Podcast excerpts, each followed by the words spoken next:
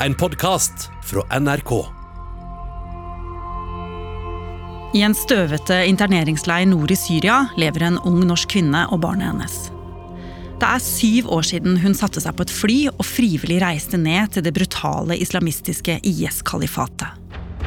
The militant group ISIS posted a series of graphic photos on Twitter. An American journalist has been beheaded by ISIS terrorists. The victim was freelance journalist James Foley. After more than 100,000 dead, Syria has become a lawless state.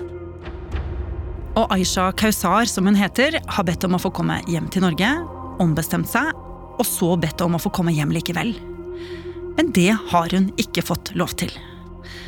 Nå trygler hun den nye regjeringen om å få hjelp til å forlate Syria. Men hvilke valg var det hun tok som førte henne dit hun er nå? Og vil Jonas Gahr Støre og den nye regjeringen hjelpe Aisha og barnet hennes med å komme hjem til Norge? Du hører på Oppdatert. Jeg heter Ragna Nordenborg. IS-kvinnene er jo et kjempestort problem for europeiske regjeringer. Mange vil ikke ta dem hjem, og det er stor debatt om hva som skal skje med dem nå. Men nå har Danmark, Sverige og Finland henta hjem flere kvinner og barn, og nå ønsker nesten alle, faktisk tre av fire, av de norske IS-kvinnene å returnere. Kristine Svendsen er journalist i NRK og har i flere år jobba med de norske IS-kvinnene og fremmedkrigerne som reiste til Syria. En av dem er altså Aisha Shazadi Kausar, som nylig stilte opp i et intervju med NRK. Der ba hun Jonas Gahr Støre om hjelp. Jeg ser jo at uh, norske myndigheter gang på gang uh, påpeker at de ikke har noe som helst ansvar overfor oss. Men jeg håper at med den uh, nye regjeringen at det vil forandre seg. Ja. Som vi hører, så håper hun jo veldig at den nye regjeringen skal kunne endre situasjonen for henne. Men hvis det ikke skjer, hva er det hun risikerer da? Hun risikerer at sønnen må vokse opp i Syria, i Rosleien der de sitter nå. Det er en leir der barn ikke får gå på skole, der det er vanskelig tilgang til mat og medisiner, ifølge hennes eh, egen advokat, og de bor i telt, og vi kan se for oss at det er vanskelig eh, oppvekst. Men Kristine, mange av de andre IS-kvinnene har jo hevdet at de reiste for kjærligheten, eller at de ble lurt inn i Syria. Men det kan jo virke som om Aisha har en litt annen historie. Hvor er det den starter? Aisha ble født og oppvokst i Bærum med pakistanske foreldre, og vi vet at hun hadde en veldig vanskelig barndom. Mm. Hvordan da? Vi vet at under hele barndommen til Aisha så utøvde faren vold mot mora og mot eh, døtrene sine, også mot Aisha.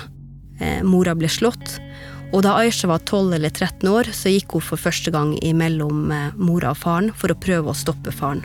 Og da ble Aisha sjøl slått av han. Og det var faktisk første gang mora ringte til politiet for å få hjelp. Og etter en stund så ble faren dømt for å ha utøvd vold mot mora og mot døtrene sine, til ett år og fire måneder i fengsel.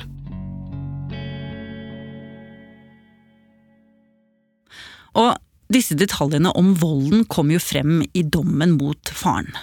Men hva mer vet vi om henne fra den tida her? I denne perioden så begynte hun å bli mer opptatt av religion, og da hun var 19 år så reiste hun til eh, London. Hun ville studere islam og gå i fred på gata, og det var jo nettopp som nikab-forkjemper hun ble kjent i Norge. Hei, eh, jeg heter Aisha. Jeg føler at det dunker inni meg, men jeg er superglad. Jeg er kjempeexcited. Da hun kom hjem fra London, begynte hun å dra rundt på videregående skoler i Norge og holde taler om konservativ islam. Jeg søker tilflukt hos Allah fra, den, fra Satan, den forbannede. Og det vakte oppsikt i media. Et TV-team fulgte Aisha da hun var på Langhaugen videregående skole i Bergen. Hun sto foran 60 ungdommer på musikkrommet, og på seg hadde hun dette svarte, heldekkende plagget der det bare er en liten luke hvor man ser øynene. Frykten for det fremmede. Det er, det er, det det går ut på. Eh, så vi trenger å slutte å være fremmede, vi trenger å skjønne hverandre, og frykten vil bli borte. Og Samme år så stilte hun også opp i et intervju i Lørdagsrevyen her i NRK.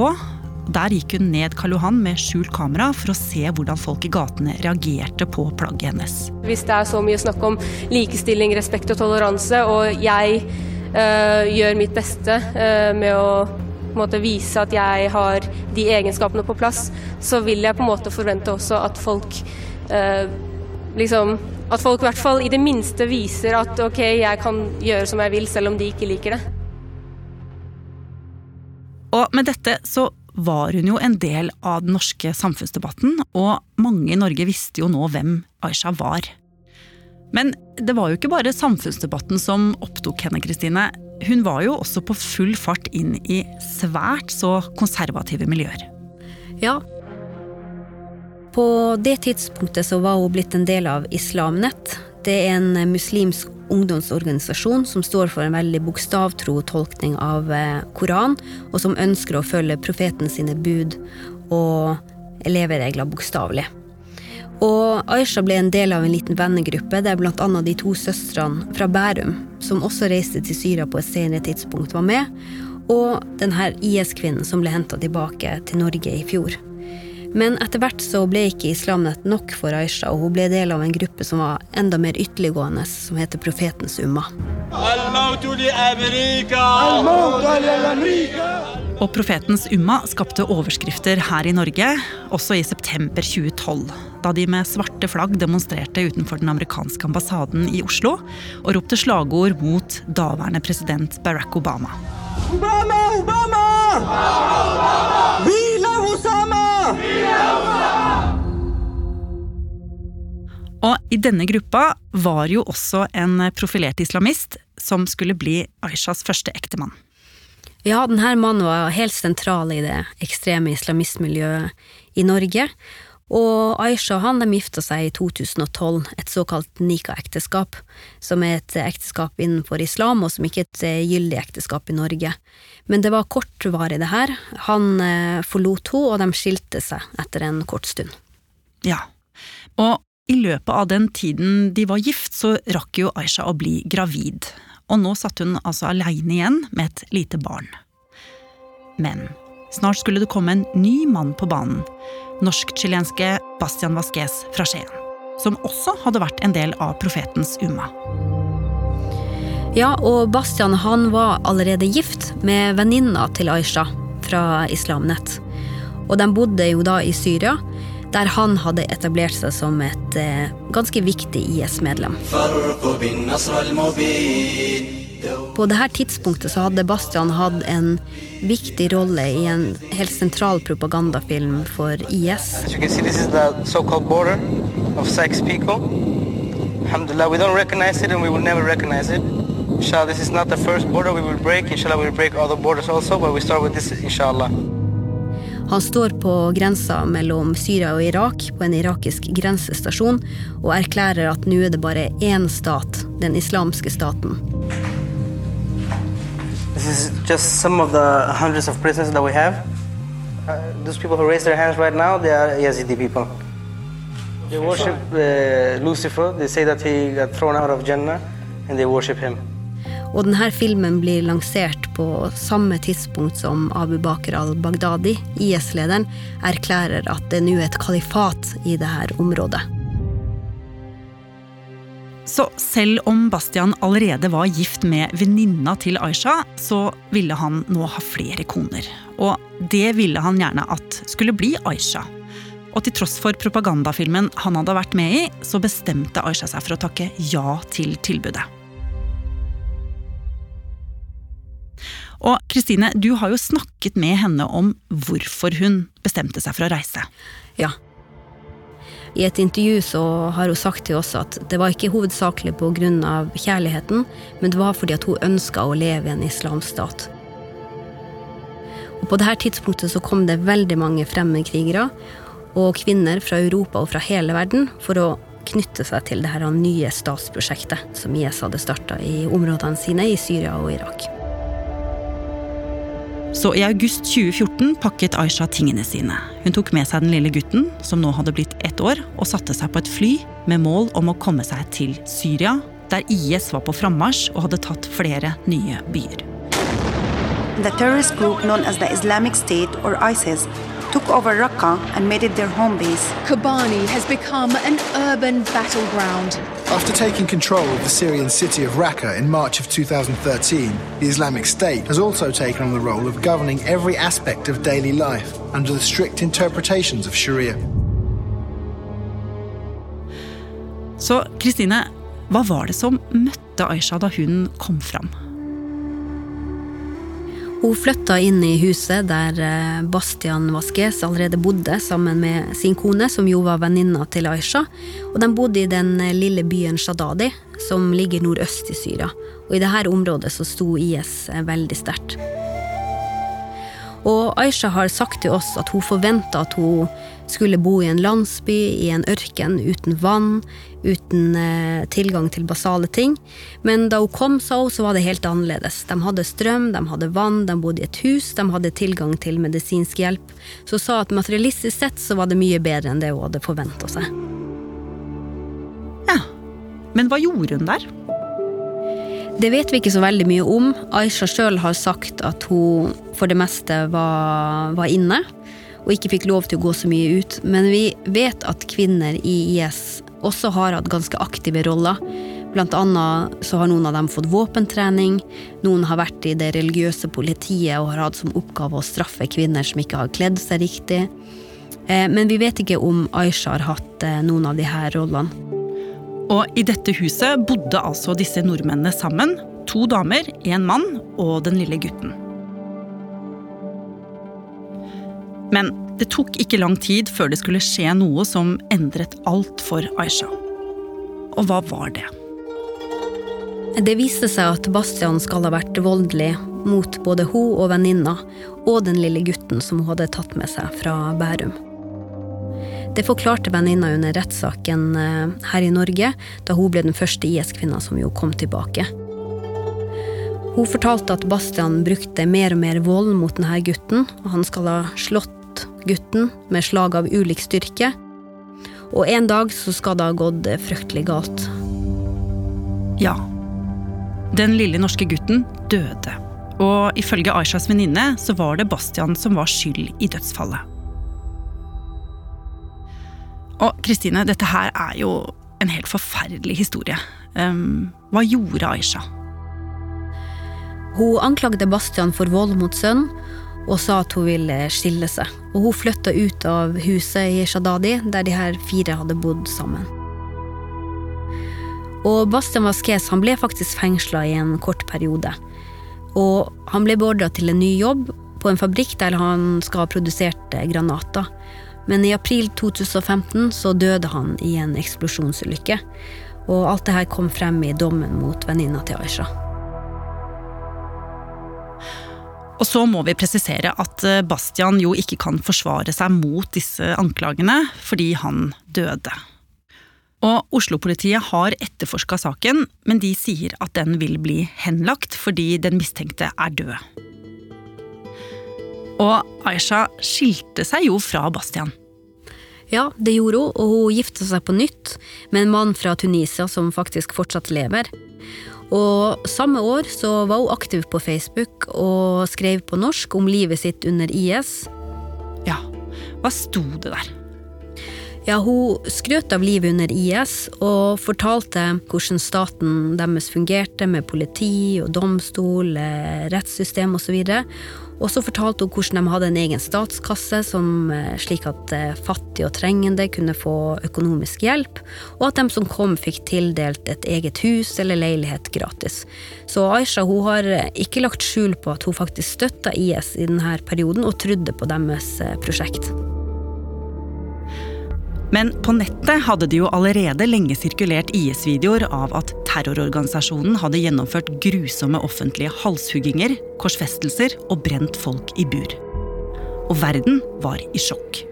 A young Syrian woman pleads for forgiveness.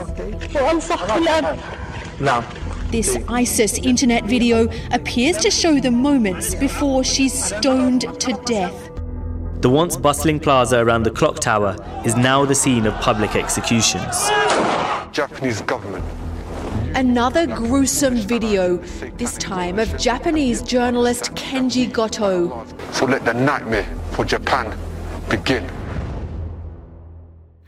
Og mens alt dette pågikk rundt Aisha, så fikk hun og den nye mannen hennes et barn sammen. En liten gutt. Og dette barnet ble født inn i et IS som var under stadig mer press. For i 2015 bomba vestlige styrker IS-områdene for å stanse den brutale terrorgruppa. Islamistene har sitt hovedsete i den syriske byen Raqqa. En amerikanskledet koalisjon bomber denne byen og andre IS-mål i regionen.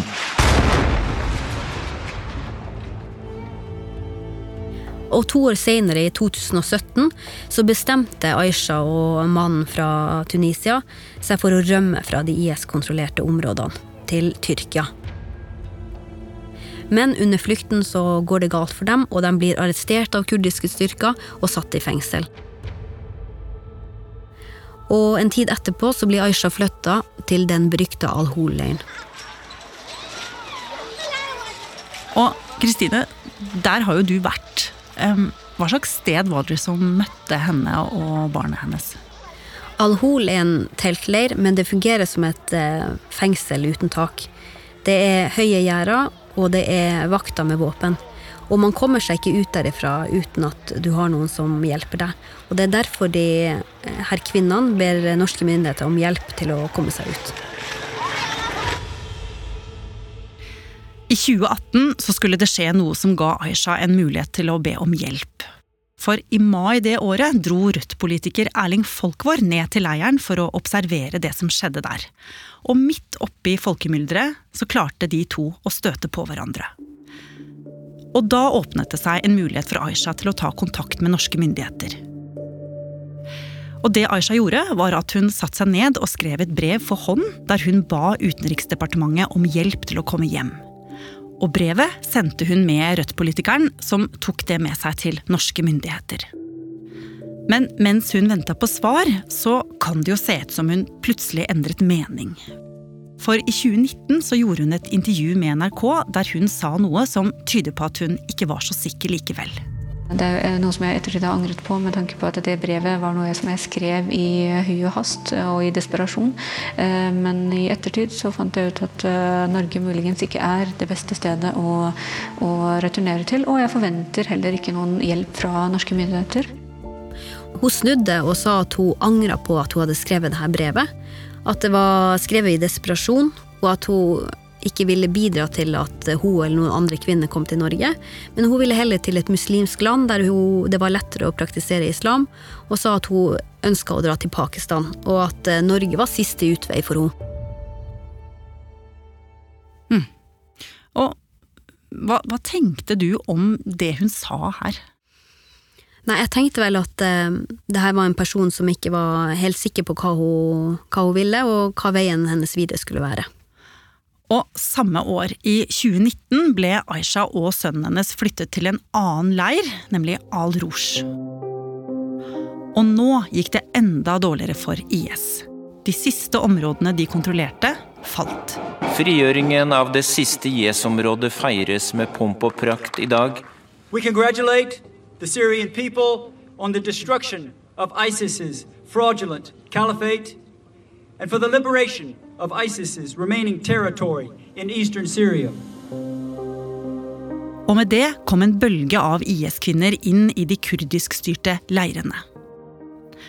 Og Kristine, da ble det også kjent at flere norske IS-kvinner var i live. Ja, det ble bl.a. kjent at de to søstrene fra Bærum fortsatt var i live. Og også den gamle venninna til Aisha, den første kona til Bastian, som bodde sammen med hun og sønnen i Shadadi. Og denne kvinnen hun ville også hjem.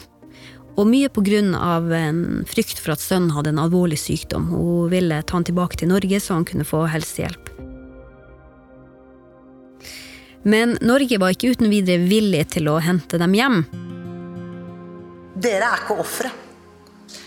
Det er ikke synd på dere. La meg gjøre det helt klart. Fremskrittspartiet vil ikke løfte så mye som en finger for å hjelpe dere. Men til slutt fikk den ene kvinnen reise hjem. Hun som var den første kona til Bastian, og som angivelig hadde et sykt barn. Og natt til 18.1.2020 ble hun den første IS-kvinnen som fikk sette føttene sine på norsk jord igjen. 29-åringen og de to barna hennes kom til Norge i natt og er nå på Ullevål sykehus, strengt vakta av politi. Ja, PST har siktet henne for deltakelse i en terrororganisasjon, og hun risikerer opptil seks års fengsel. Og som mange husker, så utløste det en politisk krise. Frp trakk seg fra regjering i protest. Og Aisha fulgte med på det som skjedde i Norge, Kristine. For i mars i år så startet jo rettssaken mot den tidligere venninna hennes i Oslo tingrett. Og det var Aisha veldig opptatt av. Ja, Aisha hun hadde jo sagt tidligere at hun heller ville til Pakistan, at hun hadde ombestemt seg og ikke ville til Norge, men nå fulgte hun med på hva som skjedde i Norge. Og hun sa til oss at hun ville se hvordan rettssaken gikk, før hun bestemte seg om hun eventuelt ville hit. Mm. Og i mai i år så kom dommen mot IS-kvinnen. Da dommerne kom ut, ble det raskt klart at den første kvinnen som har kommet tilbake fra det såkalte IS-kalifatet i Syria, dømmes for å ha deltatt i en terrororganisasjon. Til fengsel i tre år og seks måneder. Og like etter så snudde Aisha. Hun sa hun ville tilbake til Norge likevel. Det fortalte hun i et intervju med Aftenposten. Og Hun sa også at hun hadde rettet en formell anmodning til Utenriksdepartementet om å bli hentet hjem. Og hva var det som hadde fått henne til å snu? Det hun sa til Aftenposten var at forholdene i Lein Rouge, der hun bodde, hadde forverra seg, og at det var farlig for sønnen å vokse opp der. Hun sa at han ikke ville ha noe fremtid om han ble værende i leiren, og derfor ville hun at eh, Norge skulle hjelpe hun og gutten tilbake. Men ennå har ikke Aisha kommet seg hjem, hun bor fortsatt i leiren mot sin vilje. Men denne høsten så skjedde det jo et politisk skifte her i Norge som ga henne et nytt håp. For også denne regjeringen må jo forholde seg til denne knipa med de norske IS-kvinnene. Og Kristine, hvordan er egentlig utsiktene for Aisha og de andre norske IS-kvinnene som har bedt om å komme hjem? Ja, Den ferske utenriksministeren Anniken Huitfeldt har sagt til NRK at regjeringa har som grunnholdning at norske fremmedkrigere ikke skal hentes tilbake til Norge. Men samtidig så har Arbeiderpartiet sagt at hver sak må behandles individuelt. Og I tillegg så pågår det en rettssak nå i Den europeiske menneskerettighetsdomstolen som kan få en innvirkning på situasjonen. Ja, hva er det som skjer der? Det er en fransk familie som har klaga inn den franske staten fordi de ikke vil hjelpe med å returnere en fransk IS-kvinne og hennes barn. Frankrike de mener at de ikke har juridisk plikt til å gå inn i Syria og hente dem ut, og det er et syn som Norge som stat støtter. Men hvis domstolen kommer til noe annet, så kan det også få konsekvenser for Aisha og for de andre norske IS-kvinnene som vil tilbake. Eh, hvis Aisha får komme hjem, eh, hva sier hun om skyld og hennes egen rolle?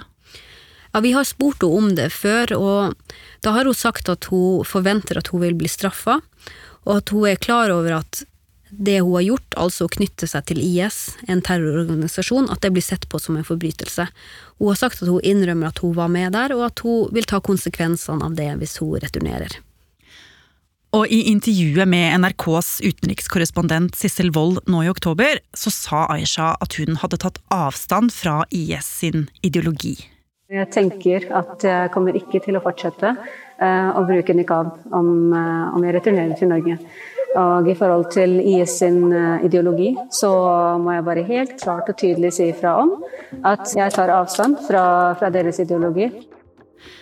Og vi Oppdatert har vært i kontakt med Aishas advokat. Og gjennom han sier Aisha at hun ikke ønsker å uttale seg om straffskyld eller andre detaljer om oppholdet i Syria før hun har forklart seg for politiet.